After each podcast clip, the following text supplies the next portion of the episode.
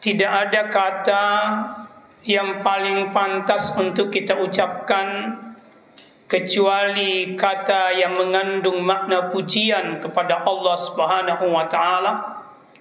Dan sekaligus sebagai kalimat kesyukuran kepada Allah Subhanahu wa taala yakni kalimat alhamdulillah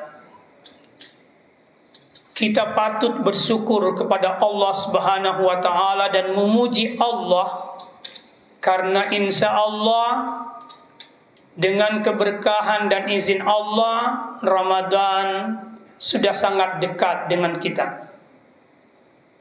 Kalau kita ikut hisapnya saudara kita dari Muhammadiyah, maka insya Allah sebentar malam kita sudah tarawih puasa besok.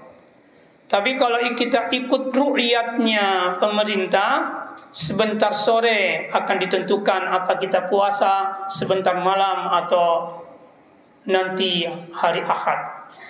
Apa pun ketetapannya, itu patut disyukuri oleh kita semua.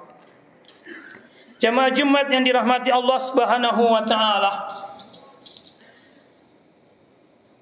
Ramadan itu bermakna pembakaran. Panas yang membakar. Kalau kita artikan secara spiritual, maka Ramadan itu adalah pembakaran dosa. Dosa kita sampai akhirnya kita menjadi suci tanpa dosa. Jadi tujuan utama orang masuk ke bulan Ramadan adalah bagaimana ia berada di akhir Ramadan dalam kesucian tanpa dosa.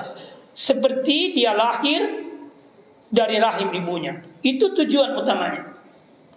Pertanyaannya, apakah semua orang yang memasuki Ramadan sampai pada tujuan itu? Jawabnya tidak. Kalau jawabnya tidak, muncul pertanyaan, apa yang harus dilakukan untuk bisa sampai ke situ? Untuk bisa mendapatkan itu. Nah, ini yang akan saya sampaikan. Ada hadis Rasul Sallallahu Alaihi Wasallam yang mengisyaratkan bahwa tidak semua orang yang memasuki Ramadan sampai ke tujuan itu. Ada hadisnya. Kata Nabi, "Kam min sa'imin laisa lahu min siyamihi illa al-atas wal Berapa banyak orang yang melakukan puasa tidak ada baginya nilai puasanya kecuali dia hanya dapat rasa lapar dan rasa haus. Berarti orang ini kata Nabi tidak sampai pada tujuan puasa. Nah ini. Pertanyaannya sekarang puasa yang bagaimana yang bisa mengantar orang itu sampai pada itu, Pak? Ini yang kita perlu jelaskan. Puasa itu ada tiga macamnya. Ada yang disebut puasa syariat, ada yang disebut puasa tarekat, ada yang disebut puasa hakikat. Ini tiga ini. Dan tiga ini kalau kita gambarkan dalam logika matematika, karena dia berkaitan satu sama lain, itu sama dengan segitiga sama sisi. Jadi kalau orang berpuasa secara syariat dengan benar, maka dia akan sampai pada puasa tarekat. Apa itu puasa tarekat? Puasanya menjadi jalan menuju kesuciannya. Itu namanya puasa tarekat. Lalu kesucian itu apa hakikatnya? Kesucian itu hakikatnya ketika kalbu seseorang sudah sunyi dari selain Allah Subhanahu wa taala. Itu hakikatnya. Kalau begitu, puasa yang dilaksanakan secara syariat yang benar dan menjadi jalan tarekat menuju kepada kesucian, hakikatnya atau puncaknya adalah ketika kalbu seseorang kesadaran ketuhanannya sudah hidup, tidak ada lagi yang lain selain Allah di sana. Jadi kalbunya dipenuhi dengan kesadaran kepada Allah Subhanahu wa taala. Kita kembali ke puasa syariat. Puasa syariat itu seperti yang kita tahu. Tidak makan, tidak minum, tidak seks dalam waktu tertentu mulai terbitnya fajar sampai terbenamnya matahari. Itu puasa syariat. Kalau orang sudah melakukan ini, maka puasanya sah. Puasanya sah. Apakah setiap puasa yang sah itu dinilai? Belum tentu. Kalau puasa ini mau dinilai, maka landasan puasa itu harus berdasarkan iman. Maka yang dipanggil berpuasa orang ber, beriman. Nah, dari sini saya memahami Bapak sekalian, baharui iman kita sebelum masuk Ramadan. Baharui. Bahkan menurut saya, setiap Bapak memulai makan sahur, tabakur dulu. Ya Allah, aku berpuasa karena imanku kepadamu. Itu landasannya puasa. Landasan kedua puasa itu supaya benar pakai ilmunya. Ada ilmu puasa. Itu tadi ilmu puasa itu ada tiga. Ilmu puasa syariat, ilmu puasa tarekat, ilmu puasa hakikat. Nah, saya kembali. Jadi nanti kalau secara syariat orang berpuasa tidak makan, tidak minum, tidak seks, itu sudah sah puasanya. Sudah sah puasanya. Selama dia landasi dengan iman. Nah, tapi ada satu yang harus diperhatikan dengan baik, Pak, supaya puasa kita bisa diterima oleh Allah Subhanahu wa taala. Apa? Keikhlasan. Keikhlasan. Apa yang dimaksud keikhlasan? Kita melaksanakan puasa itu benar-benar karena hanya mengikuti perintah Allah. Karena Allah yang perintahkan, maka saya melakukannya. Tidak ada tujuan lain. Tidak perlu munculkan supaya saya sehat.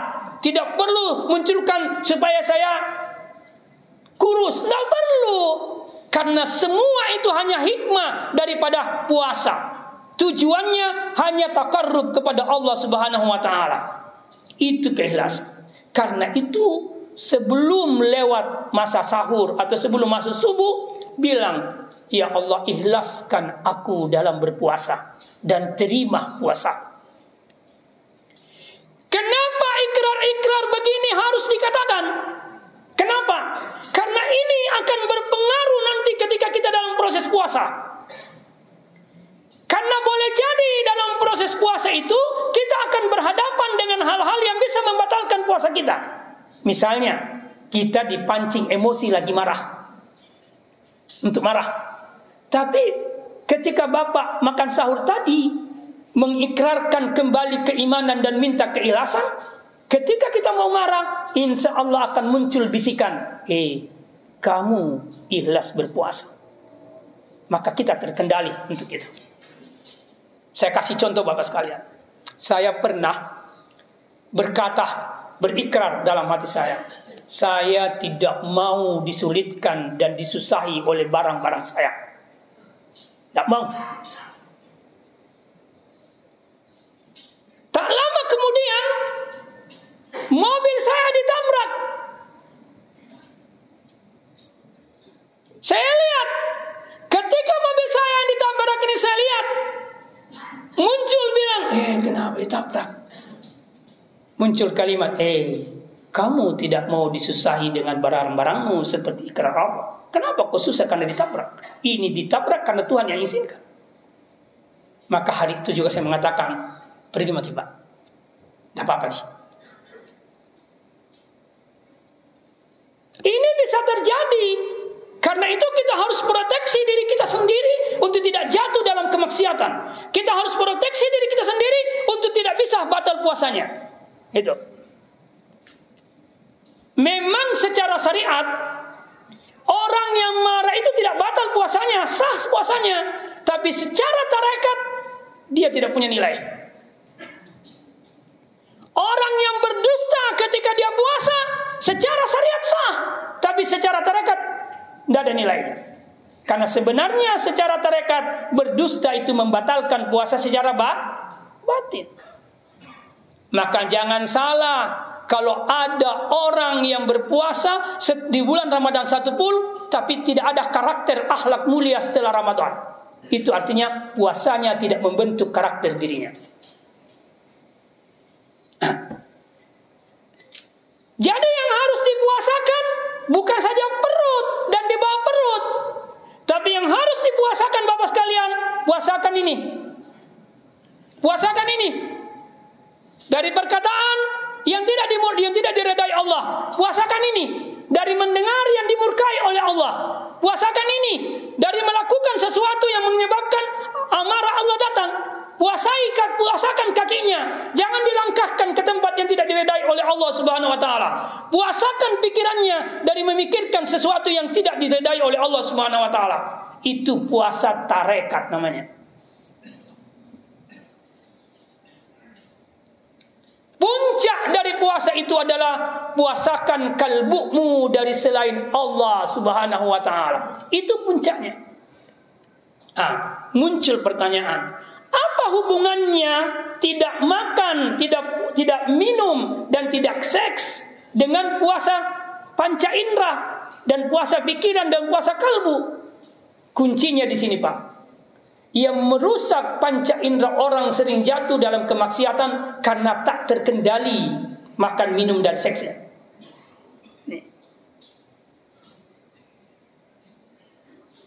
Orang yang mengendalikan makannya mengendalikan minumnya dan mengendalikan seksnya, kalau ini dikendalikan, itu sama maknanya mengendalikan hawa nafsunya. Jadi hakikat itu mengendalikan dilarang makan, dilarang minum, dilarang seks, kendalikan hawa nafsu. Kenapa hawa nafsu harus dikendalikan? Karena hawa nafsu itu milik murni hewan dan binatang. Kalau ini dibiarkan liar, ini dipuaskan, maka manusia yang memuaskan ini pasti jatuh dalam kebinatangan. Pasti. Karena itu Allah bilang kendalikan lewat puasamu. Makan itu halal atau tidak? Minum itu halal atau tidak? Seks itu halal atau tidak? Dia halal bagi suami istri. Tapi yang bukan suami istri tidak halal. Makan itu halal, minum itu halal. Kenapa ini dibatasi di waktu tertentu? Tujuannya tadi supaya hawa nafsu terkendali. Jadi manusia sejati ciri pertamanya adalah ketika terkendali hawa nafsunya. Tapi kalau hawa nafsunya tidak terkendali, dia berhenti jadi manusia sejati dan jatuh dalam manusia dalam manusia yang sifat kebinatangan.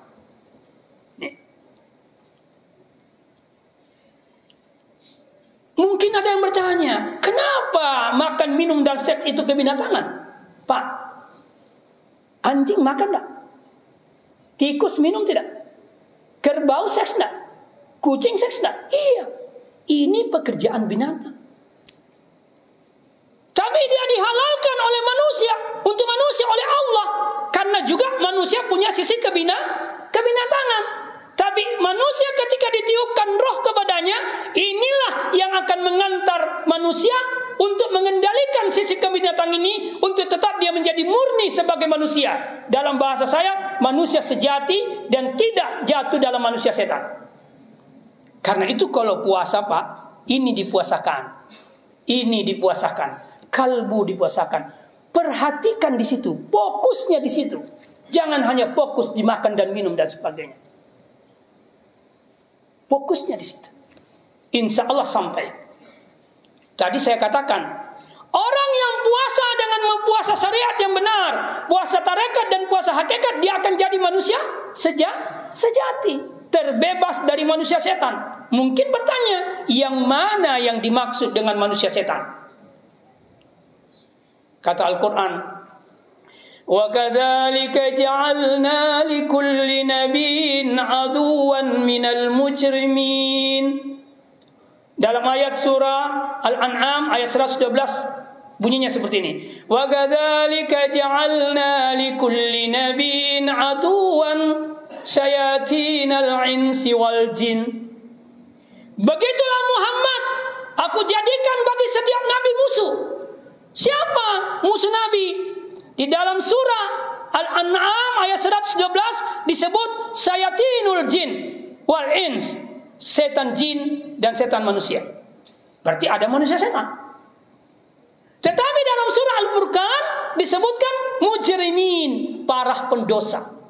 Dua ayat ini terkait dengan interaksi dengan Al-Quran. Artinya apa?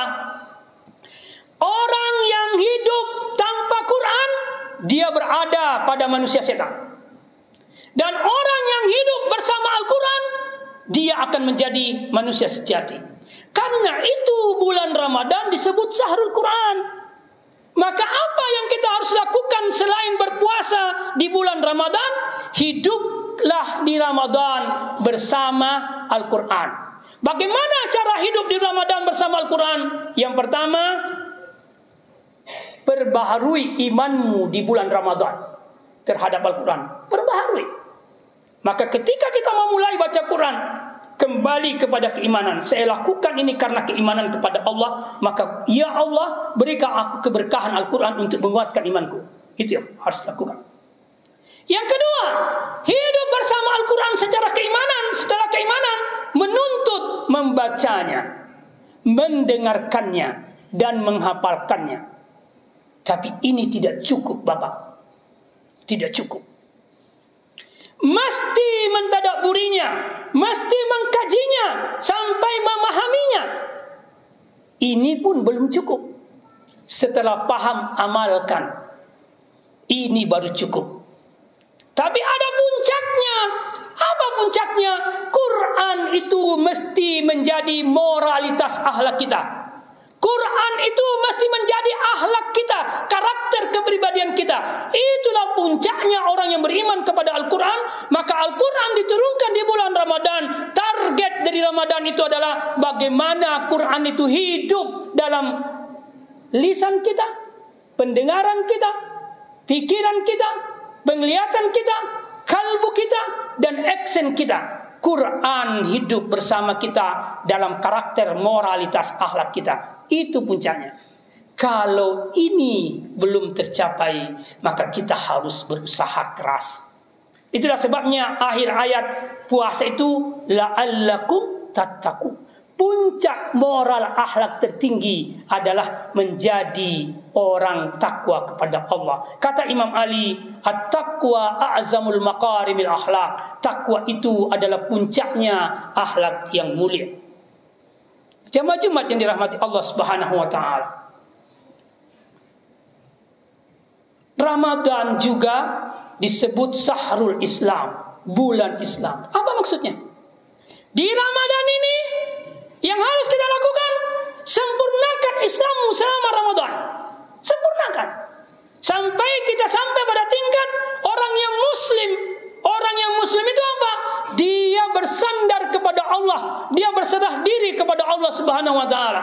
Abdul Qadir Jailani mengatakan, bagi orang yang benar-benar punya keimanan yang benar kepada Allah, maka ada tiga hal yang harus hadir pada dirinya. Apa itu? Dia melaksanakan seluruh perintah Allah. Dia meninggalkan seluruh larangan Allah. Yang ketiga, dia harus reda terhadap apa yang Allah tetapkan untuknya. Itu yang harus ada. Tanya diri kita, apa benar kita sudah melakukan perintah Allah? Apa benar kita sudah tinggalkan larangan Allah? Apa benar kita sudah rela atas takdir Allah kepada kita? Barakallahu li wa lakum bil Qur'anil azim wa nafa'ni wa iyyakum bima fihi minal ayati wa dzikril hakim. Wa taqabbal minni wa minkum tilawatahu innahu huwas samiul alim. بسم الله الرحمن الرحيم السلام عليكم ورحمة الله وبركاته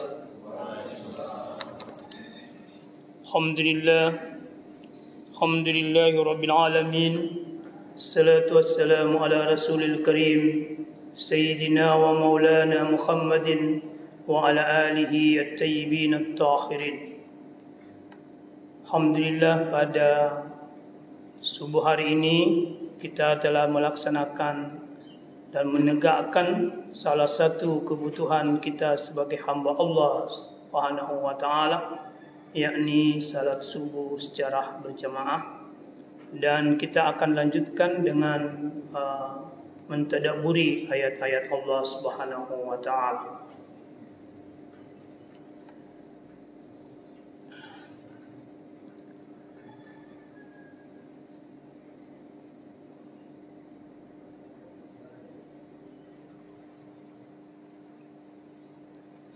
Seperti kita sudah sangat paham bersama bahwa kita berada di bulan Ramadan di bulan yang sangat mulia di sisi Allah Subhanahu wa taala. Bahkan Ramadan adalah satu-satunya bulan yang disebutkan di dalam Al-Qur'an itu mengisyaratkan bahwa Ramadan ini adalah bulan yang sangat mulia dibanding bulan-bulan yang lain. Karena itu Ramadan disebut Sayyidus Suhur, eh, sayyidnya para bulan, ya, pemimpinnya para bulan. Uh, di bulan Ramadan itu kita menjadi tamunya Allah dan Allah yang jadi tuan rumah kira-kira seperti itu ya bahasanya. Ha. Tuan rumah itu akan memberikan jamuan kepada tamunya. Pertanyaannya adalah apa jamuan Allah kepada hambanya di bulan Ramadan?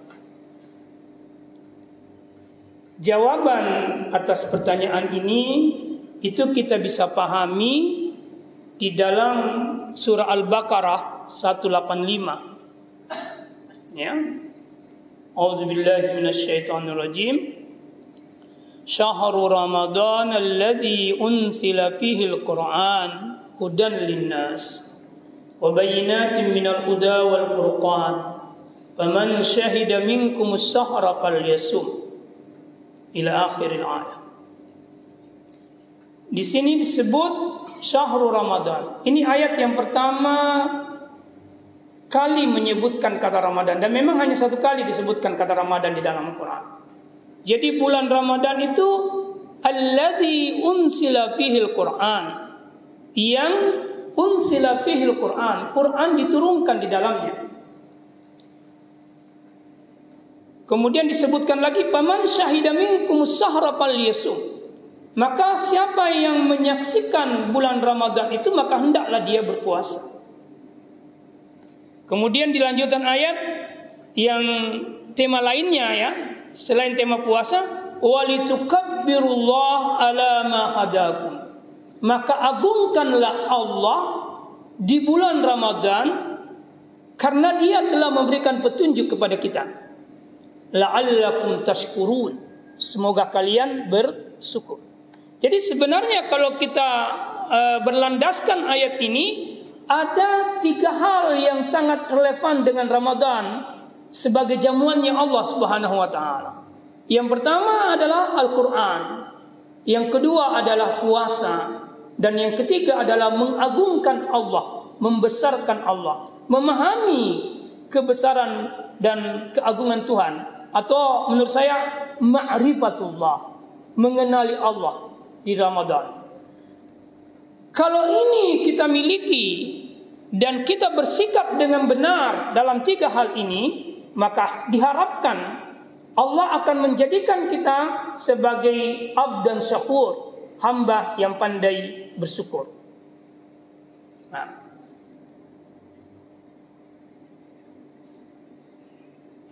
Sekarang pertanyaannya, apa benar penyikapan kita terhadap tiga hal ini? Atau pertanyaannya dulu, bagaimana kita memperlakukan Ramadan, memperlakukan Ramadan? Itu dulu pertanyaannya. Bagaimana kita memperlakukan Ramadan? Yang kedua, bagaimana kita memperlakukan Quran di bulan Ramadan? Itu pertanyaannya. Yang ketiga adalah bagaimana Ramadan menjadi wadah untuk mengenal Tuhan. Benarkah di Ramadan kita sudah mengenali Tuhan? Itu kira-kira yang harus dijawab ya. Tapi mungkin kada kesempatan kita agak singkat gitu. Maka saya mungkin fokus ke Quran dulu gitu ya. Fokus ke Quran dulu. Nah. Saya kira kita dan masyarakat muslim penyikapan yang tampak kepada Al-Quran itu mereka rajin membacanya. Di bulan Ramadan khususnya. Ya kan? Bahkan dia berlomba-lomba untuk hatam. Ya kan? Seperti itu. Nah. rajin mendengarkannya. Bawa mobil dengar Quran dan sebagainya. Bahkan sekarang ini rumah-rumah tahfiz itu menjamur menjamur.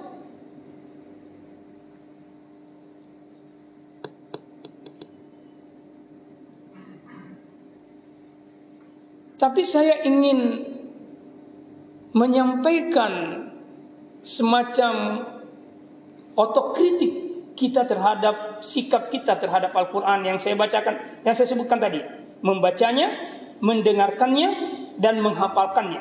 Ini, ini yang saya yang saya ingin eh, sampaikan sebuah beberapa hadis yang terkait dengan itu. Yang pertama, Nabi mengatakan Rubba lil Quran wal Quranu yal'anuhu. Berapa banyak orang yang membaca Al-Quran tapi Quran melaknatnya. Berdasarkan hadis ini kita bisa berkata banyak orang yang membaca Quran, mendengarkan Quran, bahkan menghafal Quran, tapi Al-Quran melaknatnya. Pertanyaannya siapa dia?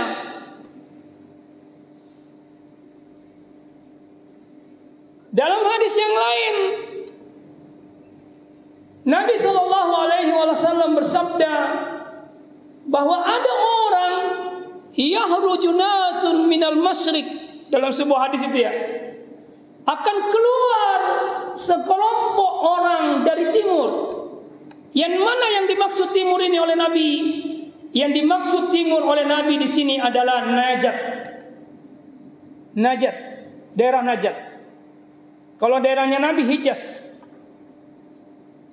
Nabi dia katakan yakhruju nasun minal masyriq. Bagaimana manusia yang berasal dari timur itu? Dia membaca Quran, tapi Quran tidak tembus ke hatinya. Quran itu berhenti di tenggorokannya saja. Dia berhenti di tenggorokannya saja. Tidak sama sekali tembus ke dalam hatinya.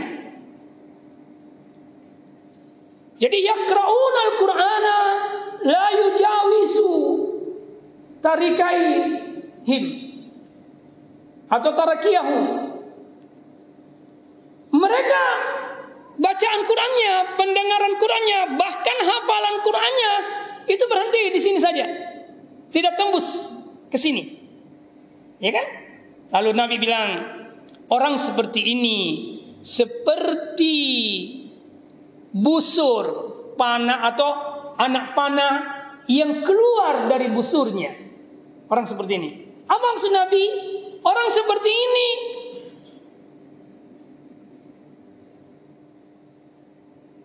dia akan keluar dari agamanya seperti anak panah keluar dari busurnya. Gambarannya cepat sekali kan? Cepat sekali murtad gitu. Lalu Nabi bilang sulit sekali untuk dia kembali.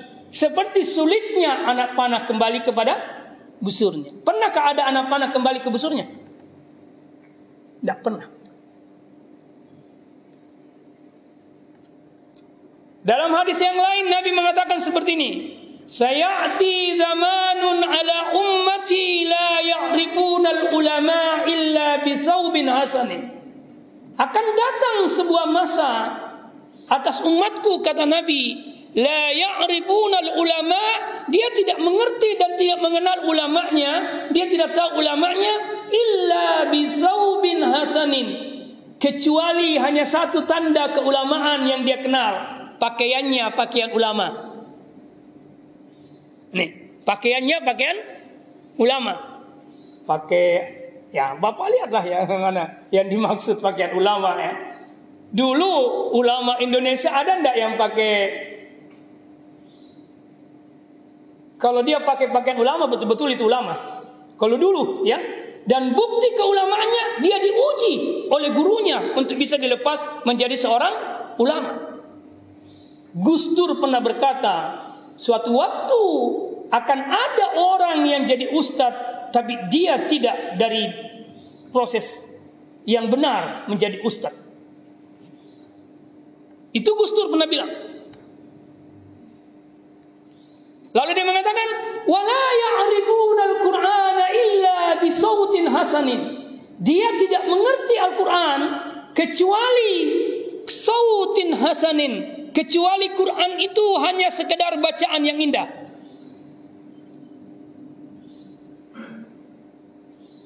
Sekarang ini kita hanya mengatakan berlomba-lomba menjadi pembaca yang indah dalam Al-Quran dengan Al-Quran. Maaf ini tetapi untuk mengerti apa yang kita baca dengan indah itu usahanya minim sekali. Ya kan? Lalu Nabi mengatakan yang ketiga, la ya'budun Allah bi illa fi syahri Ramadan. Mereka tidak menyembah Allah kecuali pada bulan Ramadan. Lihatlah sekarang kita uji ini enggak. Ini ini zaman kita ini zaman yang dimaksud Nabi atau bukan? Sekarang saya mau bertanya Bapak sekalian, maaf ini tabe. Ulama ulama mana yang Bapak Ibu jadikan sebagai guru sekarang? Siapa ulamanya Bapak? Ada? Ada ulama khusus Bapak belajar sama dia? Ya Pak, ada Pak? Hah? Ada Pak? Televisi saja ya Pak, Google ya. Ulamanya Google ya. Nah, ini. Belajar itu pakai kol Pak. Google pakai kalbu mengajar enggak? Google punya kalbu enggak? Enggak punya kalbu. Maka belajar ke ulama itu berhadap-hadapan Pak. Karena kita harus dia harus mengajar bukan harus wajib menyampaikan ajaran pakai kalbu maka murid akan menerima dengan pakai kalbu. Itu pertama. Siapa di antara kita yang sudah punya guru khusus ulama itu? Saya bukan ulama pak. Karena itu saya berguru kepada ulama. Saya setiap minggu itu ngaji tasawuf sama guru saya setiap minggu pak. Setiap malam Kamis ngaji tasawuf, malam Jumat ngaji tasawuf sama guru saya. Dan alhamdulillah saya selalu dikasih dorongan oleh Allah untuk memburu guru yang saya anggap bisa mengajari saya dan membimbing saya. Bahkan tidak jarang saya minta dalam salat saya, ya Allah tunjukkan guru yang bisa mengantar aku kepadamu.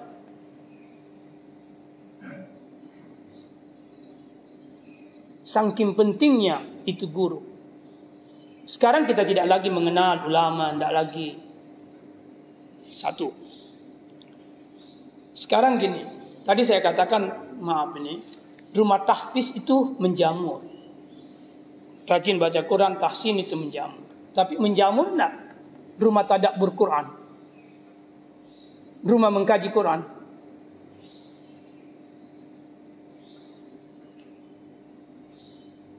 Maaf Pak, setan itu tidak akan pernah merasa resah hanya karena membaca Quran, hanya karena Bapak tidak akan menyulitkan setan itu hanya karena sekedar membaca kata ini atau mendengarkan atau menghafalkannya, tapi tak mengerti apa yang Bapak baca, apa yang Bapak dengar, apa yang Bapak hafal. Setan tidak risau. Dan kita tidak menyulitkan setan. Tugas kita di kehidupan dunia ini adalah menyulitkan setan. Jangan menggembirakan setan. Karena setan itu sulit menundukkan orang yang mengerti Al-Quran. Lalu kemudian dia mengamalkannya. Sulit itu setan menundukkan itu. Tapi yang yang selain tidak yang tidak mengerti, tidak gampang dia. Apa buktinya? Apa buktinya Bapak sekalian? Siapa yang membunuh Imam Ali karamallahu wajah? Abdurrahman ibnu Muljam. Siapa yang tidak kenal Ali radhiyallahu? Anhu. Ali itu Pak di dalam kitab Al-Luma itu disebutkan gini. Ali mengatakan, "Allamani Rasul sallallahu alaihi wasallam Nabi telah mengajariku sab'ina baban 70 ilmu Pak yang tidak diajarkan kepada sahabat-sahabat yang lain. Quran itu 70 lapis, Pak. Saya tidak tahu lapisan keberapa yang yang saya pahami dari Quran itu. Saya khawatirnya belum pernah masuk ke lapisan pertama. Sementara Quran itu tujuh lapis, tujuh puluh lapisan maknanya. Maka Nabi Al-Quran mengatakan sekiranya seluruh air laut di dunia jadi tinta, bahkan ditambah lagi tujuh kali semua jadi tinta, dan seluruh dahan itu jadi pena, tidak akan pernah habis dia nuliskan hikmah-hikmah dari Quran itu. Tidak akan pernah habis. Saking dalamnya Quran itu. Ada ulama besar yang menjadi eh, apa panutan saya dan dia bilang begini, uh, ketika dia menulis tafsir Al-Fatihah, dia menulis begini Pak di pengantarnya. Di bukunya saya baca dia mengatakan begini, apa yang saya tulis ini sebenarnya saya tidak pantas untuk menuliskannya. Saya belum pantas. Gitu. Saking dalamnya makna Quran. Ribuan bahkan bisa ratusan ribu kitab-kitab tafsir yang membahas Al-Fatihah tapi belum ada yang sampai kepada tingkat kedalaman surah Al-Fatihah. Atau dengan kata lain gini, belum ada yang mengungkapkan seluruh isi Al-Quran. Itu, saking dalamnya itu Al-Quran. Ya? Nah. Jadi saya kembali. Bagaimana penyikapan kita sebenarnya yang harus kita lakukan dan kita tegakkan terkait dengan Quran ini. Pertama Bapak sekalian, saya ingin katakan hadapi Quran itu pakai kalbu. Nah ini. Ini cara pertama. Berinteraksilah dengan Quran pakai kalbu. Baca Quran pakai kalbu. Baca, dengarkan Quran pakai kalbu. Hafal Quran pakai kalbu. Jangan tidak pakai kalbu, Pak. Jadi bersentuhan atau bergaul dengan Quran itu harus pakai hati. Membacanya pakai hati, mendengarkannya pakai hati, dan menghafalkannya mesti pakai hati. Apa dasarnya?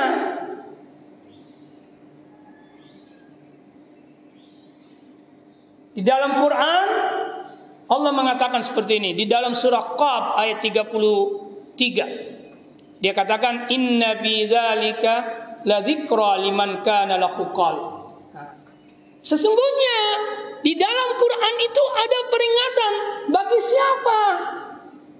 Bagi mereka yang punya hati yang berhadap menghadap dengan Quran atau bersama dengan Quran pakai hati. Ini.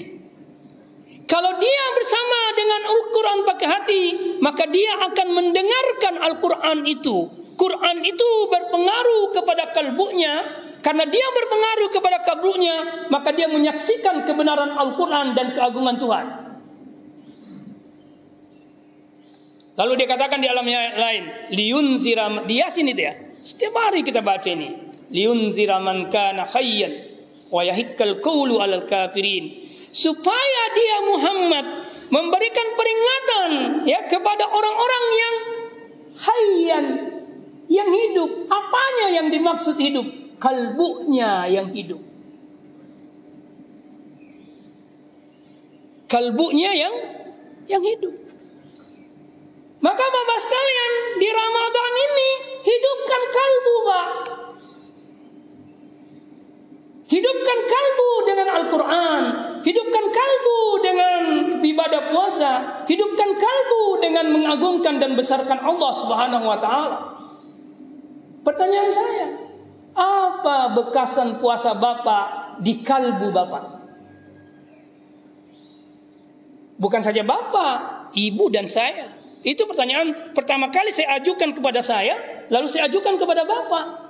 Saya lebih dulu bertanya, "Hei Mujahid, apa bekasannya puasa itu di hatimu?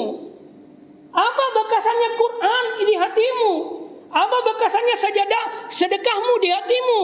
Apa bekasannya kau beri buka puasa orang di hatimu? Apa?"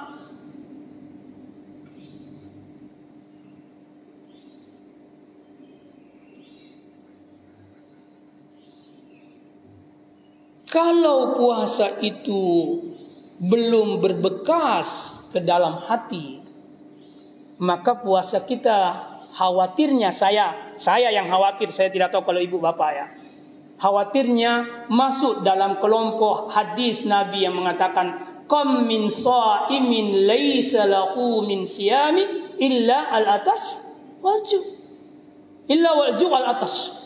Berapa banyak orang yang berpuasa tapi sama sekali nggak punya nilai puasa baginya kecuali yang dia dapatkan yang dia rasakan hanya lapar dan haus. Ini ini Bu, ini hadis disampaikan tapi ini hadis tidak menjadi otokritik. Mestinya hadis ini menjadi kritik kritikal kita, otokritik bagi kita.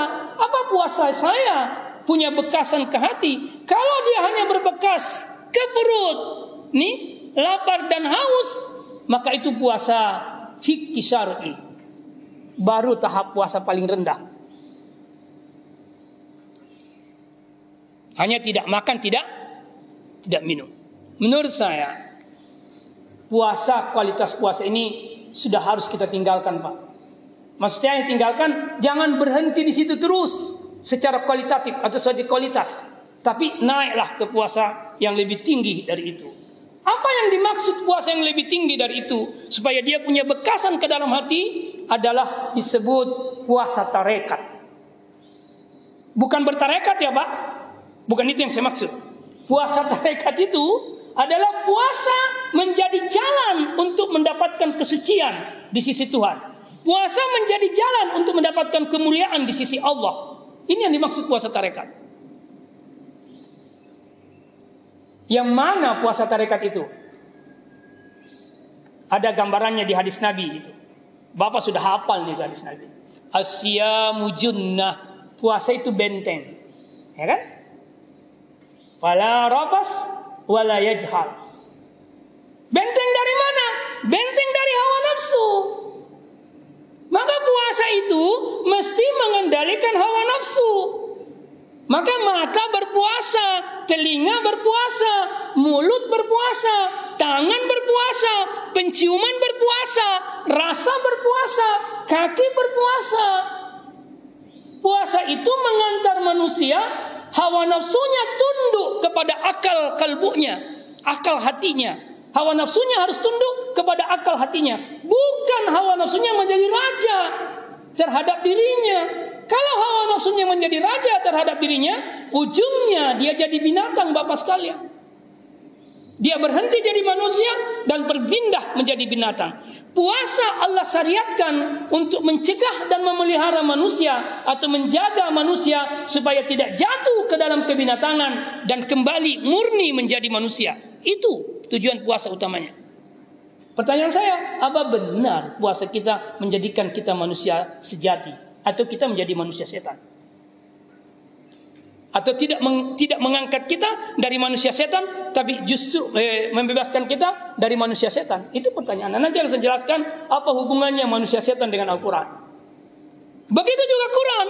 Begitu juga Quran Bapak. Apakah Quran punya bekasan? Tadi Pak Imam itu baca tapi Pak Imam baca Quran itu sebagai nur ya kan? Di dalam ayat yang tadi Pak Imam baca itu Quran itu nurun Pak, cahaya. Pertanyaan saya, benarkah Quran itu mencahayai mat penglihatan Bapak? Benarkah Quran itu mencahayai pendengaran Bapak? Benarkah Quran itu mencahayai lisan kita semua? Benarkah Quran itu mencahayai gerakan tangan kita, langkah kaki kita, mencahayai tubuh kita, mencahayai depan kita, mencahayai belakang kita, mencahayai kiri kanan kita, mencahayai seluruh kehidupan kita? Benar tak? Ini doa harus dibaca setiap jalan kaki ke masjid. Ya Allah, cahayai hatiku, cahayai pendengaranku, cahayai penglihatanku, cahayai eh, sebelah kananku, sebelah kiriku, depanku, cahayai seluruh kehidupanku, liputi aku dengan cahaya. Allahu nurus samawati wal ard. Allahu nurus samawati wal ard. Allah itu cahaya langit dan bumi. Yang dimaksud cahaya langit di sini bukan Allah mencahayai bumi dan langit, bukan. Bumi ini cahayanya Allah, langit itu cahayanya Allah, Quran itu cahayanya Allah. Maka lewat bumi kita bisa mengenal Allah, lewat langit kita bisa mengenal Allah, lewat api kita bisa mengenal Allah, lewat tanah kita bisa mengenal Allah, lewat pepohonan dan lewat apa pun kita bisa mengenal Tuhan. Baru dia berfungsi sebagai cahaya. cahaya.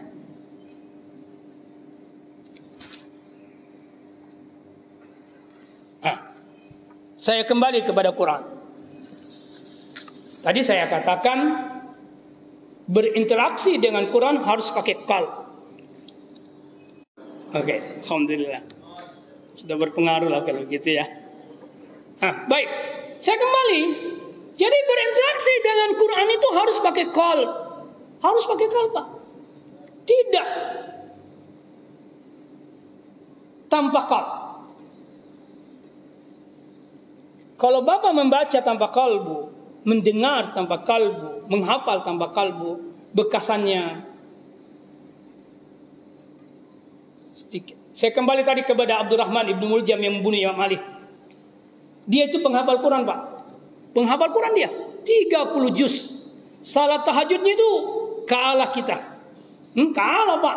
Bahkan dia menjadi utusannya Khalifah Umar radhiyallahu an menjadi guru Quran ke Mesir pada waktu Khalifah Umar menjadi Khalifah. Nih. Ininya Pak hitam. Ada benjolan sini saking kuatnya salat. Tapi ketika dia membunuh Ali, menghalami, mengharap, memarahi Imam Ali, dia baca Quran sambil takbir. Nih. Tapi saya ingin katakan satu hal kepada Bapak informasi kematian Imam Ali itu sudah disampaikan Jibril kira-kira 20 sampai 30 tahun sebelum Imam Ali meninggal. Dalam sebuah riwayat Nabi Ali radhiyallahu an masuk kepada ke kamar Imam Ali dan dia melihat Nabi Muhammad menangis. Lalu Ali bertanya, "Ya Rasul, apa yang menyebabkan kau kau menangis?" Nabi menjawab, "Ya Ali, Jibril datang tadi menginformasikan kepadaku bahwa engkau akan mati terparangi. Engkau akan mati dibunuh. Ya. Kata Imam Ali, bagaimana agamaku ya Rasul? Nabi mengatakan, agamamu selamat ya Ali. Ketika dikatakan agamamu selamat ya Ali, Ali tenang sekali dan tidak pernah memikirkan itu selama 30 tahun sampai dia terjadi. Kenapa? Siapa lagi yang akan paling berbahagia kalau agama sudah dijamin selamat? Dan yang menjamin selamat adalah Rasul. Jaminan Rasul itu jaminan Allah subhanahu wa ta'ala. Kalau kita balik. Kalau Ali dijamin selamat pembunuhnya. Kira-kira selamat.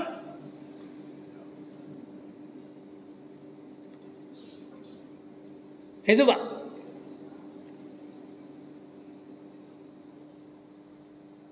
Dan Ibnu Muljan itu orang Hawarij. Hawarij itu orang yang keluar dari jalan kebenaran.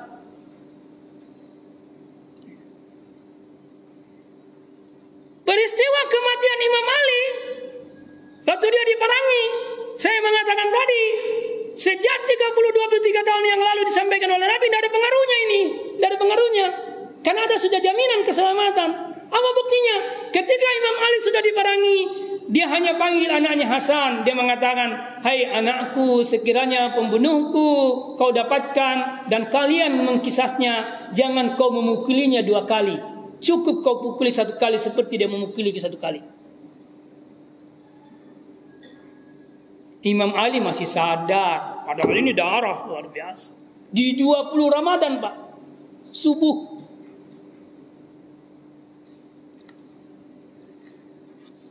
Nah, saya kembali pakai hati. Hati itu kualitasnya ada empat, Pak. Sesuai dengan barisnya. Kualitasnya ada empat, sesuai dengan barisnya. Kalau kita sebut al-kalbu, berbaris apa itu? Berbaris apa ujungnya? Dom, damma. Damma itu dalam dalam nahu marfu. Marfu artinya tinggi, diangkat menuju kepada ketinggian. Kalau saya mengatakan al-kalbah, al-qalbah, bukan al-kalbah, al-kalbah. Dia pat, patah. Dalam bahasa Arab, hukum bahasa Arab nahu disebut maftuh. Dia terbuka. Al-qalbi baris ba bawah. Namanya al-khab. Kemudian al-qalb baris sukun. Apa yang dimaksud marfu? Kalau orang berinteraksi dengan Al-Quran pakai kalbu, maka hatinya akan terbuka. Hatinya terbuka. Nih, nih Pak, hati terbuka. Kalau hatinya sudah terbuka menerima ajaran-ajaran Allah, ajaran-ajaran Al-Quran, maka insya Allah dia terangkat menuju kepada ketinggian.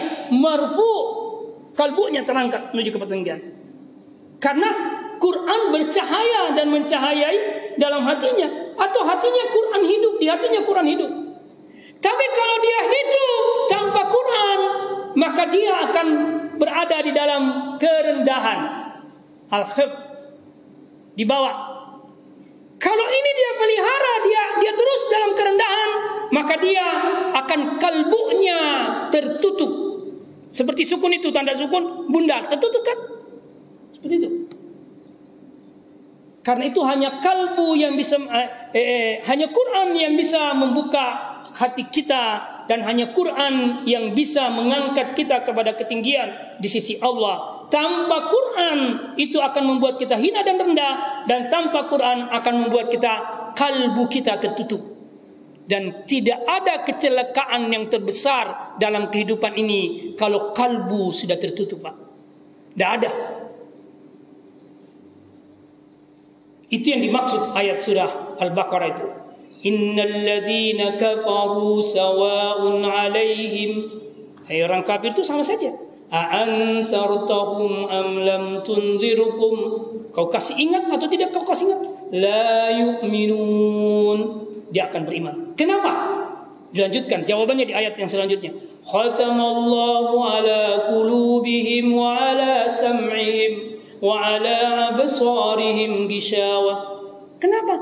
Khatamallah ala qulub. Hatinya ditutup oleh Allah. Allah yang tutup? Iya. Kenapa Allah menutupnya? Dia mau hatinya tertutup. Dia yang lakukan ketertutupan hati, maka Allah menutupnya. Karena tidak ada yang bisa terjadi kecuali atas izin Allah. Wa ala sam'ihim, pendengarannya tertutup. Wa ala absarihim gishawa, penglihatannya tertutup. Itu yang menyebabkan dia tidak beriman. La lahum adzabun adzim. Maka karena dia tidak beriman, lahum adzab, maka baginya asap yang sangat pedih. Ini Pak. Jadi sekali lagi pertanyaannya kembali, apakah Quran itu kita perlakukan dengan hati atau tanpa hati?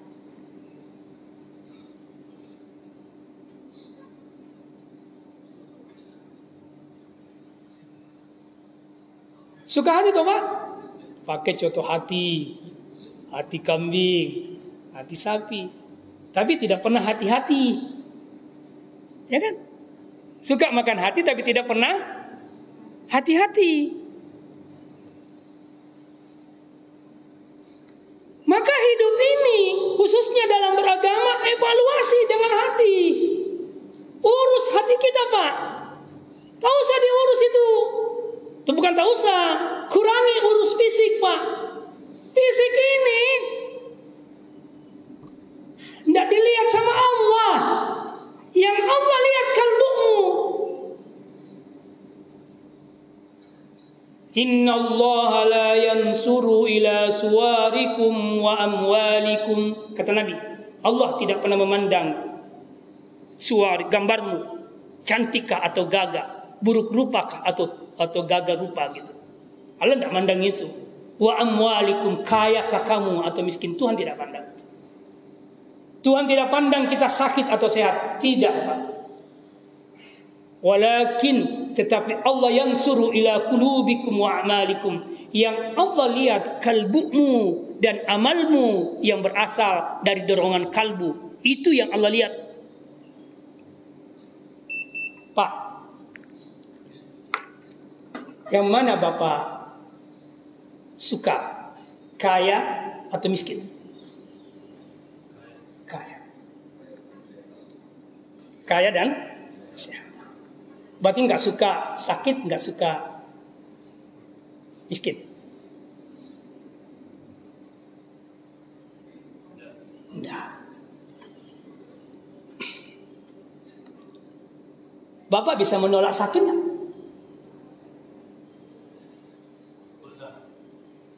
Bapak baru berusaha. Tadi bisa tidak? Apa usaha Bapak berhasil atau tidak? Kalau sakit gigi mau datang sama Bapak, bisa Bapak tolak? Enggak, Pak. Kalau Bapak Allah mau miskinkan Bapak, Bapak bisa tolak? Tidak. Maka Allah itu tidak pernah bertanya, kenapa kau miskin? Tidak. Kenapa kau sakit? Tidak. Kenapa kau kaya? Tidak. Kenapa kau miskin? Dia tidak tanya itu. Kenapa kau gagah? Kenapa kau cantik? Kenapa kau Kenapa kau perempuan? Dia tidak pernah tanya itu Pak di hari kemudian. Karena memang kita tidak punya andil untuk semua itu. Allah yang menentukan semua itu sebagai takdir ujian untuk kita. Pilihan kita hanya satu. Kalau bapak kaya atau miskin, sehat atau sakit, eh, gagah atau buruk rupa, laki-laki atau perempuan, apa bapak jawab ujian itu, soal ujian itu dengan benar atau jawab dengan jawaban yang salah? Apa jawabannya yang benar? Ketika soal-soal ujian ini bahwa Bapak mendekatkan diri kepada Allah, itu jawaban benar. Tapi kalau bawa gunakan untuk maksiat, menjauh dari Allah, itu jawaban salah di sisi Allah. Maka ketika Bapak masih suka kaya tapi tidak suka miskin dan membenci kemiskinan, itu kita pasti masih pakai nafsu dalam memandang miskin kaya. Pakai tidak pakai kal, Pak. Kalau pakai kal dia akan seperti itu. Bapak yang mana suka hidup atau mati? Mana Pak suka hidup atau mati? Itu kata Imam Ali, saya tidak ada lagi persoalan apa kematian yang datang mendatangiku atau saya yang mendatangi kematian. Ini kata Imam Ali.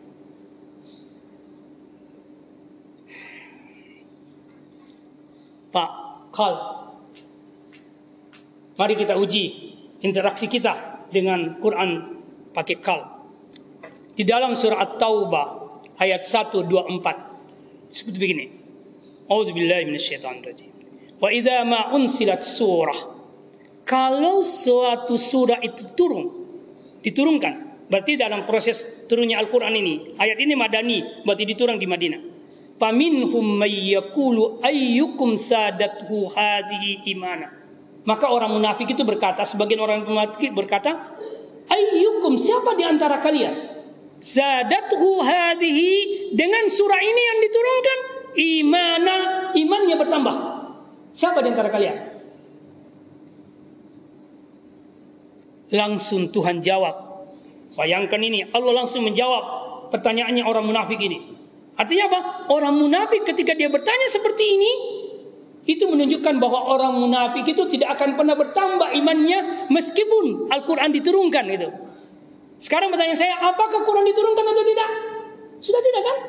Maka makna unsilat di sini bukan lagi turun, tapi berinteraksi dengan Quran, membaca, mendengar atau menghafal atau mentadaburi. Pentingnya mentadaburi. Jadi sekarang pertanyaannya, siapa di antara kita wahai Bapak Ibu yang imannya bertambah ketika Bapak membaca, mendengar, menghafal dan mentadaburi Al-Qur'an? Siapa? Itu pertanyaannya seperti itu. Lalu Tuhan bilang gini, فَأَمَّا الَّذِينَ آمَنُوا فَزَادَتُهُمْ إِيمَانًا وَهُمْ يَسْتَبْشِرُونَ Adapun orang yang beriman ketika dia mendengarkan Quran, berinteraksi dengan Al-Quran baik dengan membaca, eh, mendengar, menghafal, mentadaburi dengan kalbunya, maka pasti imannya bertambah. Wahum yastabsirun dan mereka bergembira dengan Al-Quran. Sekarang saya tanya, apa Bapak punya rasa gembira kajian Quran hari ini? Itu pertanyaannya. Kalau ada, berarti kebenaran iman itu ada pada kita Pak. Tapi kalau tidak ada kebenaran Quran itu, kebenaran iman itu tidak ada sama kita. Khawatirnya kita jatuh dalam kemunafikan. Ini bahayanya. Nah, saya baca lagi ayat 127. Hampir sama. Wa idza ma unsilat surah kalau sebuah surah itu uh, turun apa sikap orang munafik? Nadhara ba'duhum ila ba'd. Sebagian mereka melihat sebagian yang lain. Naseng uge si tai tai. Eh si kode kode. Eh? Naseng eh ni toko orang-orang yang betul-betul beriman. Ada. Hal yarakum min ahad? Adakah di antara orang-orang yang benar-benar beriman ini melihatmu? Dia bilang tidak sih. Nah, tidak ada sih yang lihat ki summan Maka dia meninggalkan tempat di mana Quran itu turun. Kalau sekarang dia meninggalkan majelis Quran itu dibicarakan. Dia tinggalkan. Sarafallahu. Maka Allah mengangkat kalbunya, mengangkat hatinya. Karena itu dia menjadi kaum layak kahun, kaum yang tidak mengerti agama.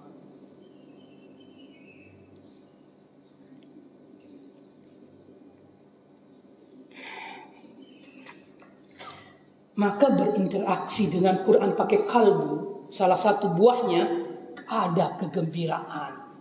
Iman bertambah. Pertanyaan saya mari kita uji diri kita. Apa iman kita bertambah dengan membaca Quran dengan mendengar Quran dengan mengkaji Quran atau tidak? Itu pertanyaannya Pak. Itu pertanyaannya. Yang terakhir Pak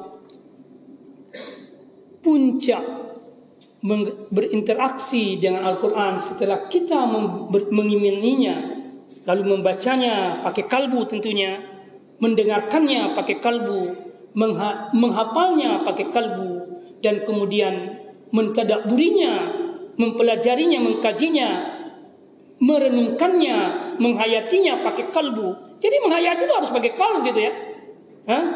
kemudian mengamalkannya juga pakai kalbu. Mengamalkannya juga pakai kalbu. Ini puncak pertama. Tapi puncak yang tertinggi-tingginya ketika Quran itu sudah menjadi akhlak moralitas kita. Quran itu sudah menjadi kepribadian kita. Maka Quran itu mencahayai seluruh dimensi kehidupan kita. Ini. Itu puncaknya, Pak. Seperti Nabi, Quran adalah akhlaknya. Mahulukun Nabi. Bagaimana akhlak Nabi ya Aisyah? Aisyah menjawab, hulukuhul Quran. Akhlaknya Quran. Saya ingin menjelaskan satu ayat yang perlu kita renungkan. Jangan sampai saya lupa ini ayat. Surah Al-Furqan ayat 30, 31. Nanti bisa dilihat di, di, di rumah Pak. Ayat itu bilang begini. وقال الرسول يا ربي وقال الرسول يا ربي إن قوم اتخذوا هذا القرآن مهجورا Nabi mengadu kepada Allah, "Ya Tuhanku, sungguh kaumku ini telah menjadikan Al-Qur'an mahjur, diabaikan, dicuekin, ditaruh di belakang punggungnya seakan-akan tidak pernah dilihatnya. Apa jawabannya Allah Pak? Kadzalika ja'alna likulli nabiyyin aduwan minal mujrimin. Begitulah Muhammad. Aku jadikan bagi setiap nabi musuh. Siapa dia? kelompok pendosa. Artinya apa? Orang yang mengabaikan Quran itu akan menjadi musuhnya Nabi dan dia pasti jatuh dalam kelompok orang pendosa. Bandingkan dengan ayat yang 112, 113 di surah Al-An'am. Kalimatnya sama. وَكَذَلِكَ جَعَلْنَا لِكُلِّ نَبِيٍّ عَدُوًا شَيَاطِينَ الْإِنسِ وَالْجِنِّ Begitulah aku jadikan bagi setiap nabi musuh. Siapa dia? Manusia setan dan jin setan. Artinya apa? Kalau ayat ini dikaitkan dengan gerakan mengabaikan Quran, maka orang yang mengabaikan Quran adalah manusia setan. Pertanyaan saya, apakah Ramadan dengan Quran di dalamnya dan puasa yang diwajibkan sebagai jamuannya Allah membebaskan kita terjatuh dari manusia setan atau kita tidak beranjak dari manusia setan? Maka sekali lagi Pak, tadaburi Quran. Bersikaplah benar terhadap Quran. Bagaimana? Imani dan tajdidul iman. Gerakan iman kepada Quran yang harus terus dilakukan. Yang kedua, baca dia dengan hati, dengan renungan, dengar dia dengan renungan, hafal dia dengan renungan, tadaburi, hayati, maknai. Jangan sampai tidak karena Quran mengatakan, "Afala yatadabbaruna al-Qur'ana am ala qulubin akfaluha?" Apakah mereka tidak mentadaburi, menghayati, merenungkan isi Al-Quran atau kalbunya sudah tertutup? Kalbunya sudah tertutup. Hidup tanpa ketadabur Quran, tanpa menghayati, membaca dengan menghayati, mendengar dengan menghayati, menghafal dengan menghayati, jaminannya kalbu tertutup. Ini kalbu tertutup, Pak. Kalau kalbu orang sudah tertutup, dia akan menolak kebenaran. Maka tidak ada kecelakaan yang paling celaka, musibah yang paling besar kecuali kalbu sudah tertutup. Terima kasih. Assalamualaikum warahmatullahi wabarakatuh. Baik.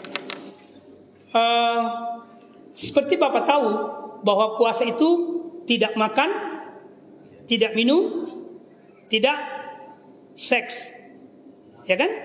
Tidak makan, tidak minum, tidak seks. Pertanyaan saya gini. Apakah sapi makan? Ya. Sapi minum? Seks enggak sapi? Yes. Apa sapi puasa? Pak, ada binatang yang puasa loh Pak. Sapi tidak ya? Jangankan sapi mau puasa, yang di dalam saja dia kasih keluar lagi untuk dia olah, ya kan? Maka sapi itu tidak pernah berhenti makan. Nih. Pertanyaan saya kedua. Terima kasih banyak ini menyusahkan.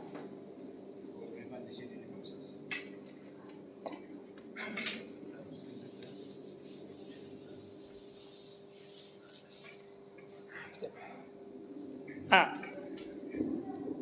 Oke. Kasih. Tadi saya mengatakan atau kita dulu lihat ya, manusia itu terdiri dari dua unsur.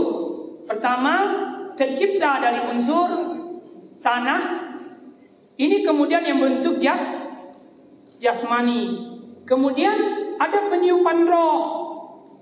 Inilah yang membentuk roh rohani. Ini kira-kira seperti itu. Ya, kira-kira seperti itu. Nah, apa kebutuhannya jasmani? Itu tadi, jasmani itu kebutuhannya tiga tadi. Makan, minum, tidur, dan seks. Itu kebutuhannya jasmani Pak. Makan, minum, dan seks. Sekarang saya mau tanya, apakah ini kebutuhan hewan atau bukan? Jawabnya iya. Itu kebutuhan binatang. Sekarang pertanyaan saya balik. Apa ini semua kebutuhan manusia juga? Iya. Maka si titik persamaan kita dengan hewan di sini, Pak. Maka sisi kebinatangan kita adalah terkait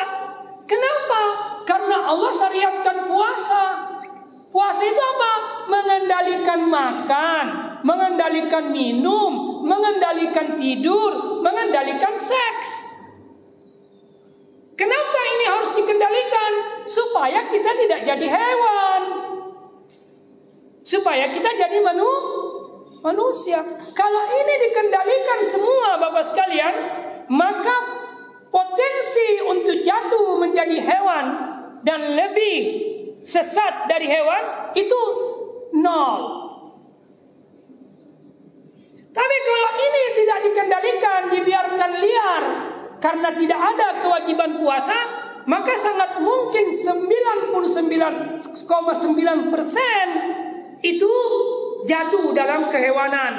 Itu. Ya Pak ya?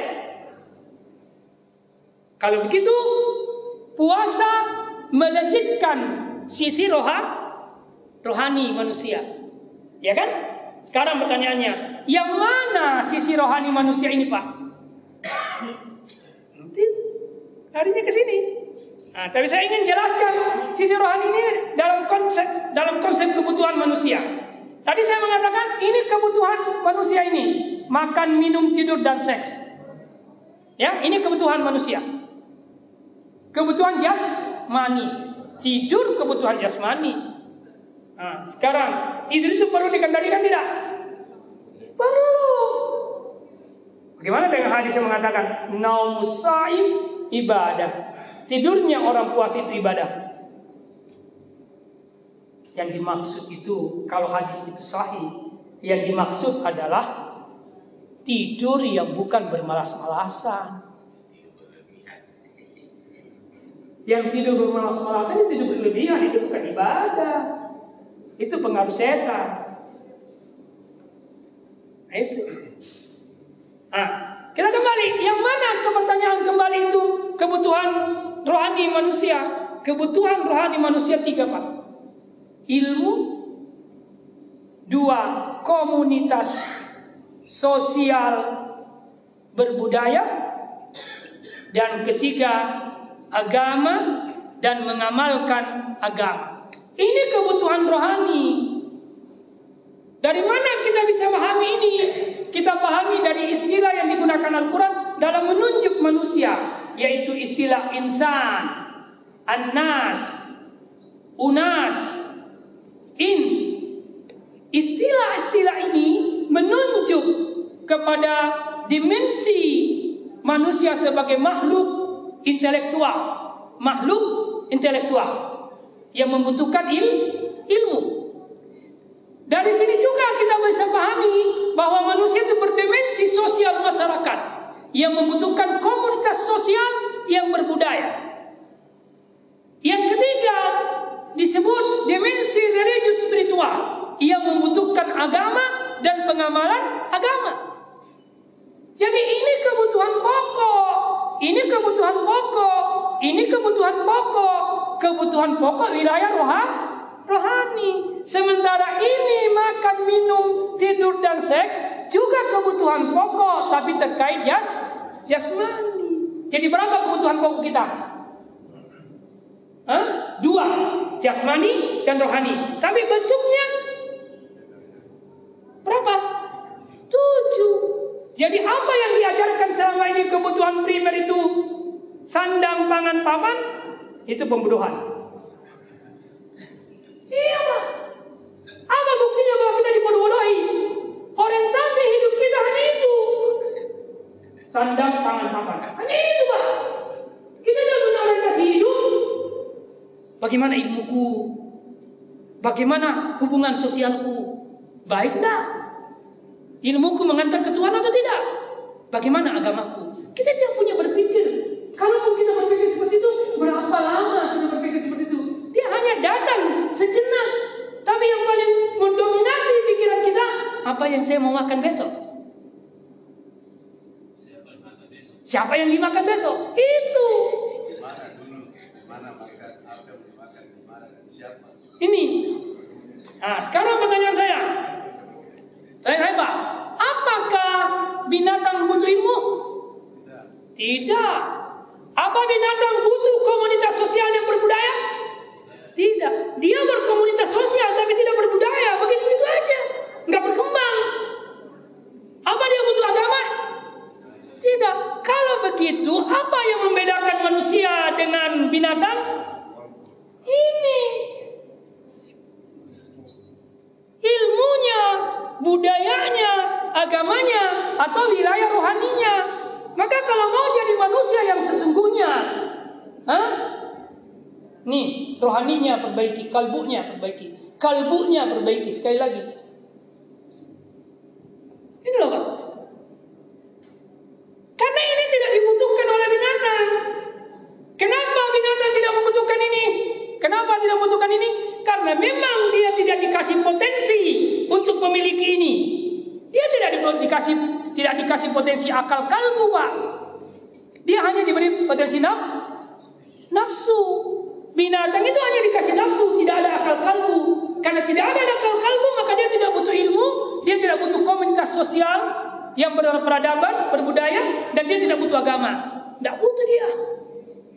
Enggak. Maka kalau mau menjadi manusia sejati, hidup di sini, di akal kalbu itu. Makanya tadi katakan Pak, akal kalbu itu kalau lahum kulubun la yafqahuna biha. Kalau kalbunya, akal kalbunya tidak dia gunakan untuk mentapakuhi, mendalami agama Allah, ayat-ayat Allah, huh? mendalami ilmu-ilmu Allah, dan dia tidak punya dia punya pendengaran dan tidak mendengarkan ayat-ayat Allah, dia punya penglihatan, tapi dia tidak menggunakan melihat dan memahami ayat-ayat Allah, ulaika dia bagikan binatang. Bal adal. Kenapa disebut lebih sesat? Karena kamu sudah dikasih potensi akal kalbu, tapi kau tidak gunakan, maka dia tersesat, lebih sesat. Kalau dia, eh, binatang tidak memiliki ini, ya wajar, tidak dikasih kok. Tidak dikasih potensi. Nih. Itu kira-kira. Jadi kalau Bapak tenggelam di nafsu. Nafsu itu bukan untuk dimatikan loh Pak. Jangan untuk dimatikan. Dikendaliin. Bagaimana caranya mengendalikan nafsu? Jadikan akal kalbumu sebagai rajanya. Jangan sebaliknya. Nafsu jadi raja.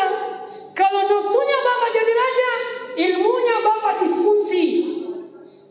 Komunitas sosialnya bapak, potensi sosial masyarakatnya bapak disfungsi. Agamanya bapak disfungsi. Apa yang saya maksud dengan ilmu disfungsi? Ketika ilmu itu tidak mengantar mengenali Tuhan, maka dia disfungsi. Apakah hanya ilmu agama yang bisa mengantar mengenal Tuhan? Tidak. Ilmu fisika semua. Semua yang Bapak pelajari di UNAS, yang Bapak pelajari di UIN, semua itu berpotensi untuk mengenali Tuhan dan memang puncaknya adalah mengenali Tuhan. Maka kalau Bapak ahli fisika, tanya apa ini mengantar Bapak ke, ke Tuhan atau tidak? Saya ada kekhawatiran Bapak. Anak saya nggak mau kuliah kecuali di fakultas tertentu. Saya tanya dia, nah jadikan ilmu sebagai jalan untuk mengenali Tuhan. Jangan tidak kau jadikan ilmu ini sebagai jalan untuk mengenali Tuhan. Kalau itu yang kedua yang terjadi, nah, sia-sia kau belajar. Saya tanamkan itu. Saya tanamkan itu. Itulah sebabnya Nabi ketika dibedah dadanya yang ketiga kalinya ketika dia Isra dan Mi'raj ada dua yang, yang ditanam di situ iman dan hikmah kenapa ini karena ilmu kenapa iman kenapa hikmah apa tuh hikmah ilmu itu harus naik ke makrifat dia harus naik mengenali Tuhan kalau orang sudah mau sampai mengenal Tuhan maka dia penuh dengan hikmah kalau begitu nabilah manusia yang paling mengenal Tuhan. Karena itu yang paling banyak hikmahnya adalah nabi. Mau dapat hikmah? ambil dari Nabi. Mau mengerti makrifat lewat Nabi. Mau dapat ilmu yang berfungsional, ilmunya Nabi. Sekarang pertanyaan saya, apakah Nabi mengerti ilmu kedokteran? Hah, Pak, mengerti tidak Nabi ilmu kedokteran, Pak? Hah? Mengerti ya? Nah, saya akan buktikan, Pak, bahwa dia mengerti. Saya akan buktikan bahwa dia mengerti. Ayat yang pertama turun itu halak ikra bismi rabbikal ladzi halak. Halakal insana min alak. Nih. Ini ayat dalam kajian saya itu terkait dengan ilmu kedokteran. Itu ilmu embriologi. Terkait dengan ini sangat kuat terkait dengan ini. Di dalam Al-Quran, proses penciptaan penciptaan manusia itu tujuh tahapan. Tahapan alat itu tahapan yang ketiga. Ini tahapan yang ketiga. Itu ada ayat kan? Apa itu ayatnya di surah Al-Hijr atau surah Al-Mu'minun itu? Minut sepati. Ya? ya kan? Kemudian apa lagi? Min nutfah, mudghah kemudian alaqah. Ya, jadi pertama dari saripati tanah, min sulalati min tin, kemudian menjadi nutfah, menjadi sperma atau sel ovum. Kemudian ini bergabung sperma ovum, dia menjadi alakah. Kemudian menjadi idaman mudakah. Kemudian menjadi idaman. Kemudian menjadi lahman, kemudian menjadi halkan ahad. Ini tujuh tahapan. Satu, dua, tiga, empat, lima, enam, tujuh. Tapi pertanyaan saya, Kenapa Allah ketika pertama kali memperkenalkan manusia, dia mengambil tahapan yang ketiga. Tahapan Allah. Dia tidak berkata halakal insana min. Dia tidak begitu. Dia tidak mengatakan halakal insana min nutfah. Min nutfah. Dia tidak katakan itu. Tapi dia mengatakan halakal insana min.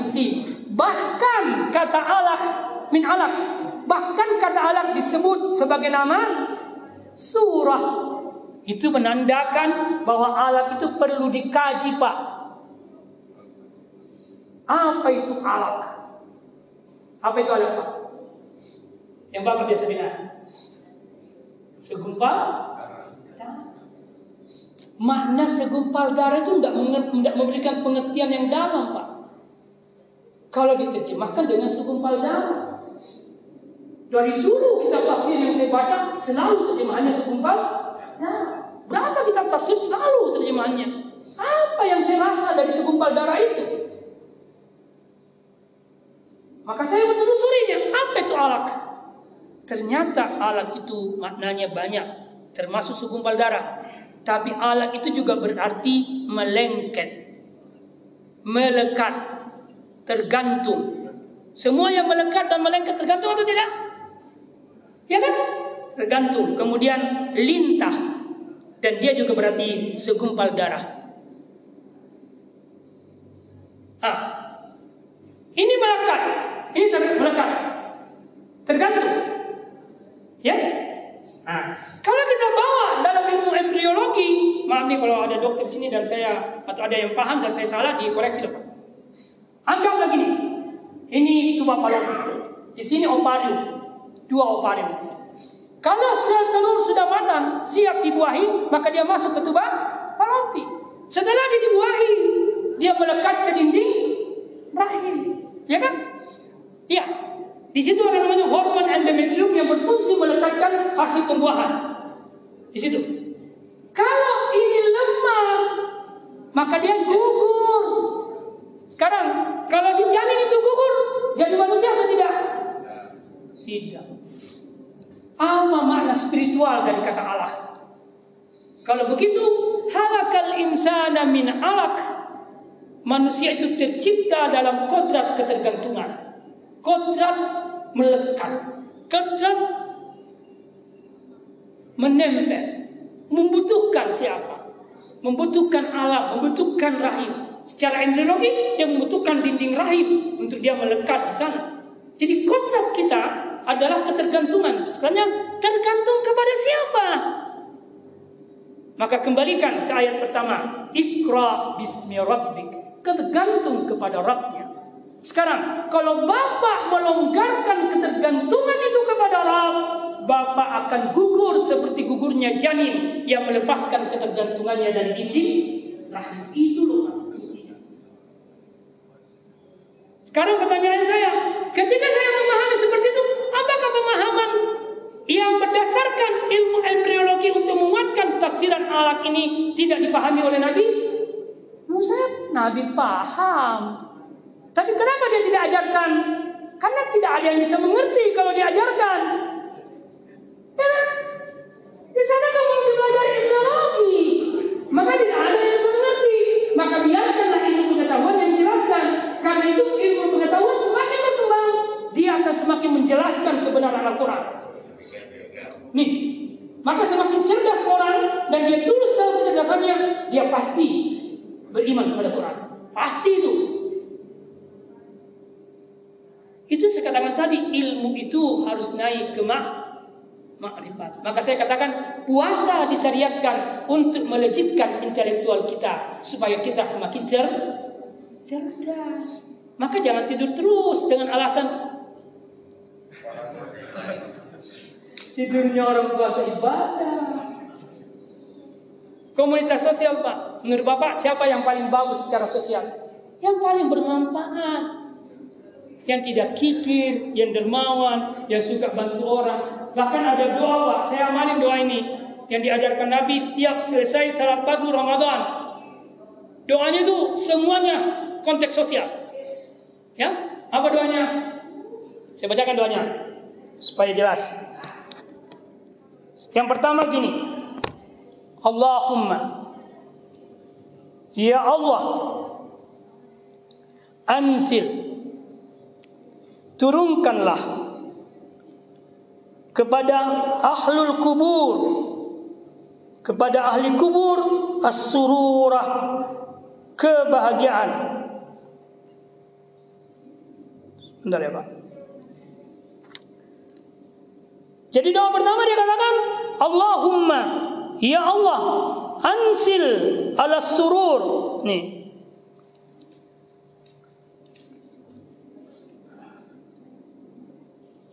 Alal ahli kubur as-sururah. Turunkanlah kebahagiaan kepada ahli kubur.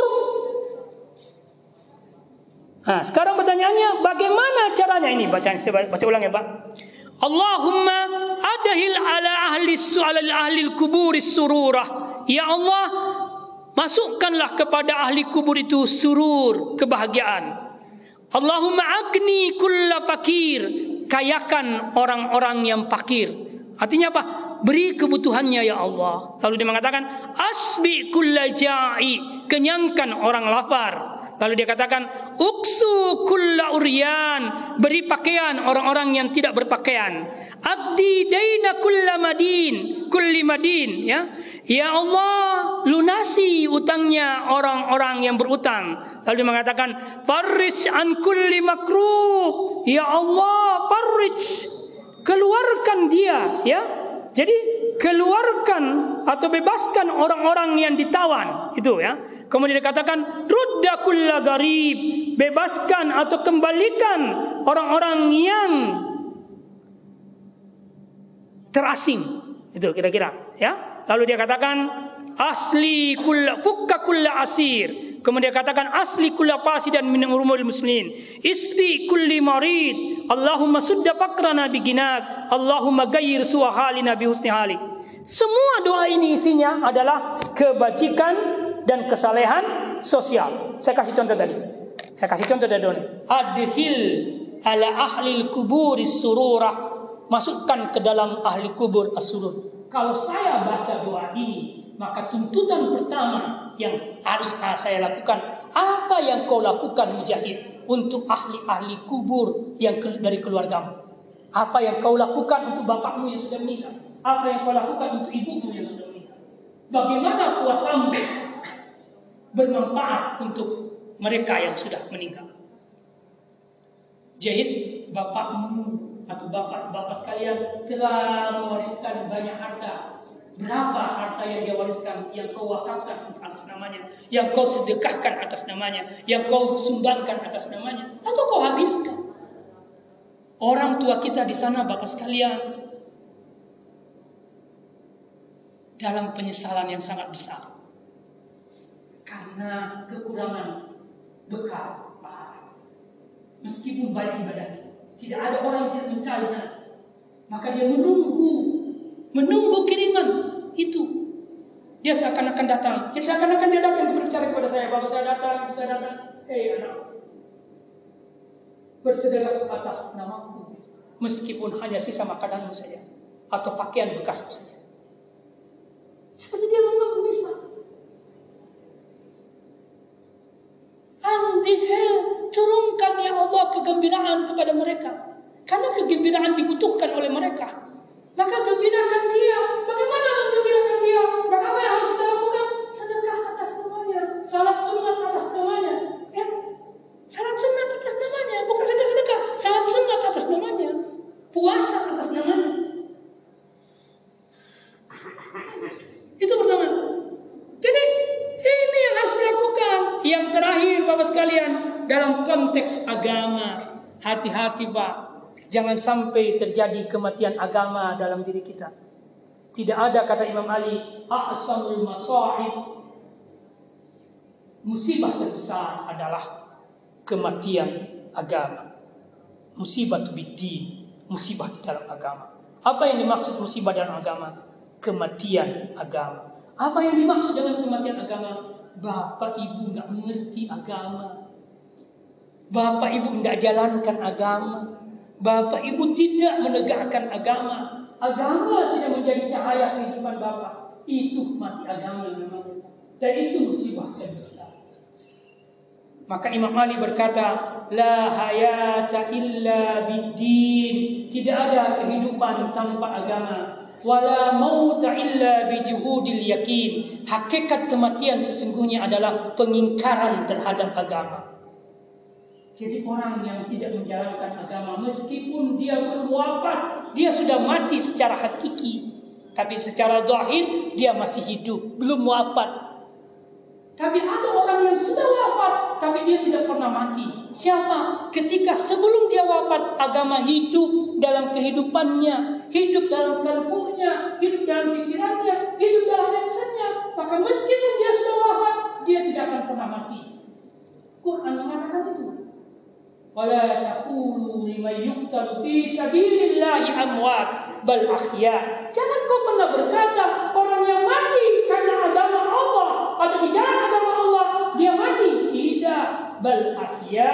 Dia hidup bahkan diberi rezeki oleh Allah di dalam kehidupan alam barzahnya. Sekarang pertanyaannya, apa bedanya wafat dengan mati?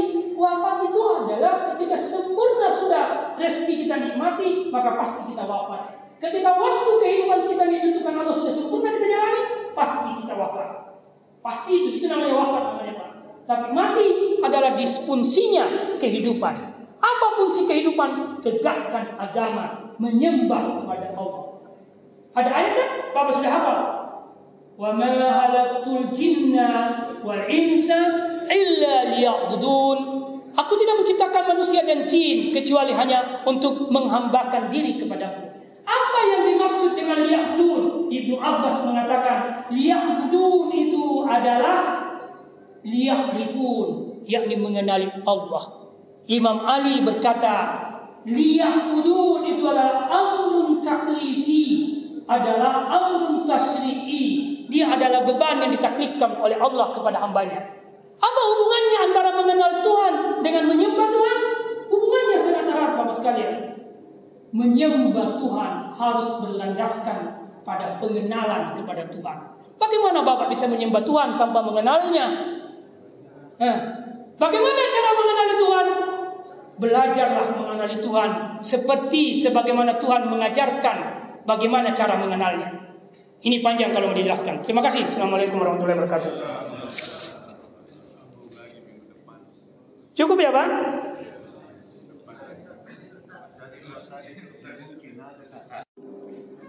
Jadi pertanyaannya adalah apa benar kita betul musyrik? Mursid. Iya. Ya. Nah, sekarang gini. Betul kita. Bagaimana kita butuh mursyid? Kita kan murid. Murid butuh guru. Murid itu sebenarnya istilah tasawuf, Pak.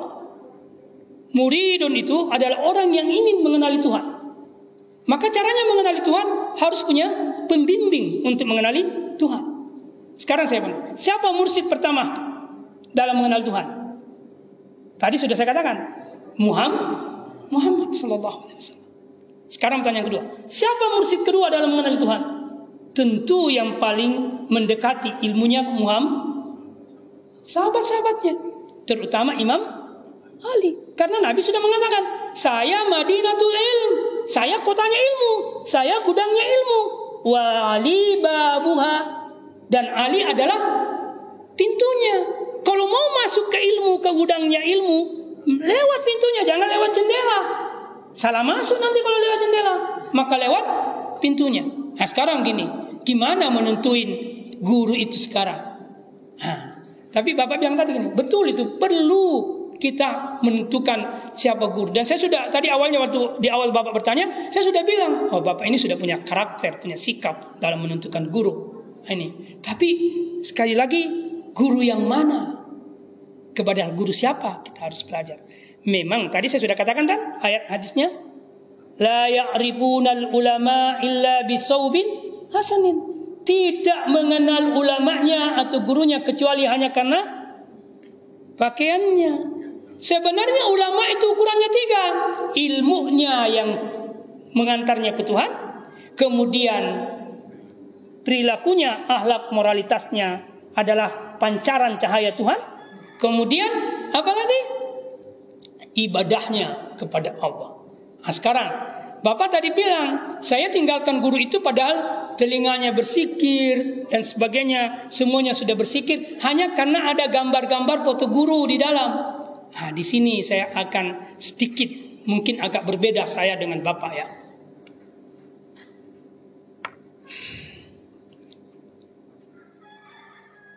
Pak, kalau lihat foto-foto ulama, Bapak lihat apa?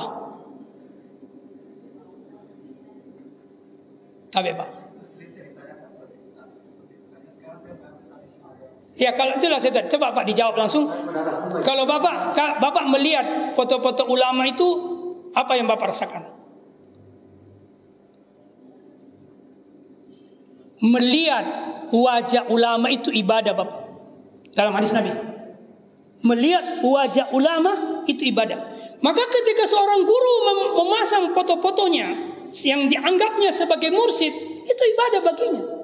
Dan seorang mursid tidak mungkin jadi mursid kalau dia tidak memiliki yang saya jelaskan tadi. Tidak mungkin. Tidak mungkin. Tidak ada orang berani jadi mursid kalau betul-betul dalam tarekat yang mutabarah, yang benar. Tidak mungkin. Karena menjadi mursid itu susah sekali. Menjadi mursid itu susah pak. Mursid itu sudah mampu menangkap atau memahami kualitas spiritual muridnya. Maka dia akan mengatakan ini yang kau amalkan karena ini yang cocok dengan jiwamu sekarang. Dia mesti itu. Dia mesti tahu. Dia bisa kontrol spiritual muridnya. Bisa kontrol. Itu mursid.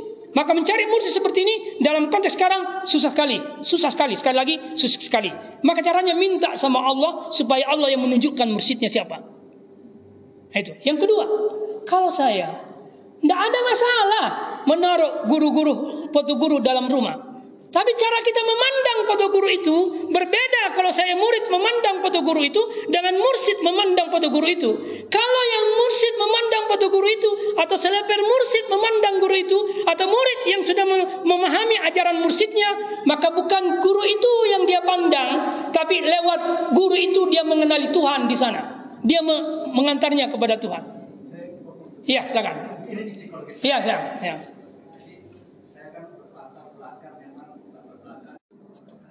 Coba, apa yang Bapak lihat ini? Bapak bilang HP. Apa yang Bapak lihat di sini? Hah? Apa lagi? Apa lagi ya? Apa lagi? Hitam, merah, dan sebagainya. Sekarang, pernah enggak dalam beberapa detik ini Bapak terbetik di pikirannya siapa yang membuat HP ini? Pernah? Sejak saya tanya tadi. Pernah enggak? Tidak kan? Karena Bapak fokus pada apa yang Bapak lihat. Kenapa? Bapak tidak pakai mata hati melihat HP. Pakai matanya zahir. Yang Bapak lihat zahir. Sama. Kalau Bapak lihat dirinya di cermin. Kalau Bapak pakai hati. Maka dirinya Bapak akan menjadi instrumen ketuhanan. Itu yang dimaksud oleh Allah. Bismillahirrahmanirrahim. Panjang nih kalau yang penting siap mendengar Pak. Ya? Ah.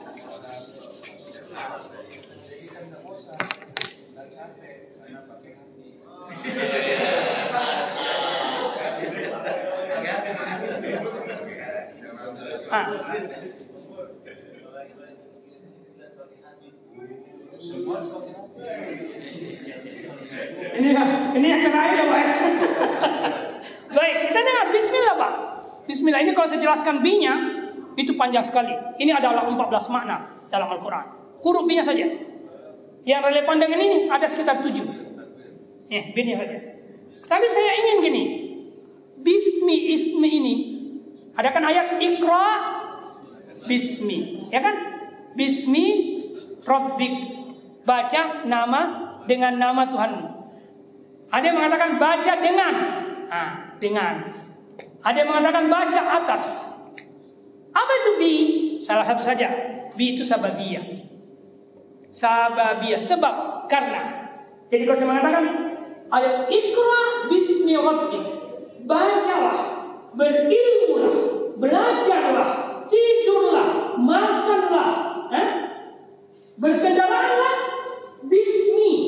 Karena karena karena Allah yang perintahkan. Kalau ada Ustaz Pak Imam 8, kenapa Pak Imam makan? Karena kenapa Pak Imam tidur? Karena itu. Kenapa Pak Imam minum? Haus. Tapi kalau Pak Imam sudah mengatakan Bismillahirrahmanirrahim, saya makan, saya minum. Bismika Allahumma ahya wa bismika amut. Saya tertidur. Itu mengisyaratkan makna bahwa Pak Imam kalau mengerti apa yang dimaksud Bismillah dan insya Allah pasti mengerti. Bapak makan bukan karena lapar semata, karena Allah bilang kalau kau lapar Pak Imam makan. Kalau Pak Imam haus minum. Kalau Pak Imam tidur eh, eh, eh, ngantuk tidur. Nah itu. Jadi karena Allah yang perintahin. Ah, kalau sesuatu itu dilakukan karena Allah, maka insya Allah kita akan ismullah. Apa itu isim Bapak sekalian? Isim itu adalah as-sumu wasimah. As-sumu itu, as-sumu wasimah dua ini mengandung makna alamat atau tanda dan dia mengandung makna ketinggian dan kemuliaan. Maka orang yang melakukan aktivitas karena perintah Allah, maka dia akan berada dalam ketinggian dan kemuliaan di sisi Allah. Makna yang lebih dalam lagi, ketika orang mengatakan Bismillah, maka kesadaran ketuhanannya tidak pernah lepas ketika dia bekerja. Kenapa? Karena apa yang dia lihat dalam proses kerjanya, semuanya penampakan-penampakan Tuhan. Makin tadi, Bapak lihat pohon lagi gunting daunnya, yang Bapak gunting itu ada asma Allah di situ. Maka baca asma Allah di situ. Pak, orang berdosa ada asma Allah di situ tidak orang yang berdosa? Ada Pak. Ada. Itu asma Allah Gapur. Rahim. Gapur ini. Ini bagi orang yang berdosa. Maka kalau berdosa maha pengampun Pak. Maka bacalah asma Allah dalam dosa-dosa yang kita lakukan. Minta ampun sama itu yang dilakukan oleh Nabi Adam. Rabbana zalamna anfusana lam taghfir lana wa tarhamna lanakunanna minal khasirin. Adam membaca sudah berdosa ya Allah. Dia hadap diri, dia otokritik terhadap diri. Berdosa ya Allah, benar saya berdosa. Saya melanggar apa yang kau larang. Maka Tuhan bertanya, kenapa kau langgar? Padahal saya sudah larang. Dia mengatakan, dia ngakuin saya berdosa. Zalamna. Kami telah menzalimi dirimu.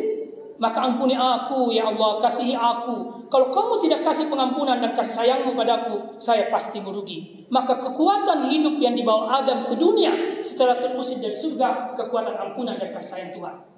Ini loh. Maka semua ini asma Allah. Semua yang ada al-kaun ciptaan itu semua asma Allah. Maka bacalah asma Allah dari setiap al-kaun. Kalau semua al sudah berfungsi sebagai asma Allah, termasuk foto, termasuk apa saja, ha? kalau semua menjadi asma-asma Allah, maka apa orang lalai dari Tuhan? Inilah bedanya cara pandang syariat dengan cara pandang. Oke? Saya punya guru saya Umar bilang pernah berkata Umar mencium hajar aswad ya. Hajar aswad itu batu kan? Dicium oleh Umar. Apa kata Umar? Hei hajar aswad. Kau bukan karena Nabi menciummu, maka aku tidak akan pernah menciummu. Kalau begitu, Umar melihat batu atau melihat Nabi? Ah, iya, dia melihat Nabi. Kalau Umar hanya melihat batu, tidak pernah dia cium, Pak. Tapi karena melihat Nabi. Begitu cara kita pandang sesuatu. Terima kasih. Assalamualaikum warahmatullahi wabarakatuh.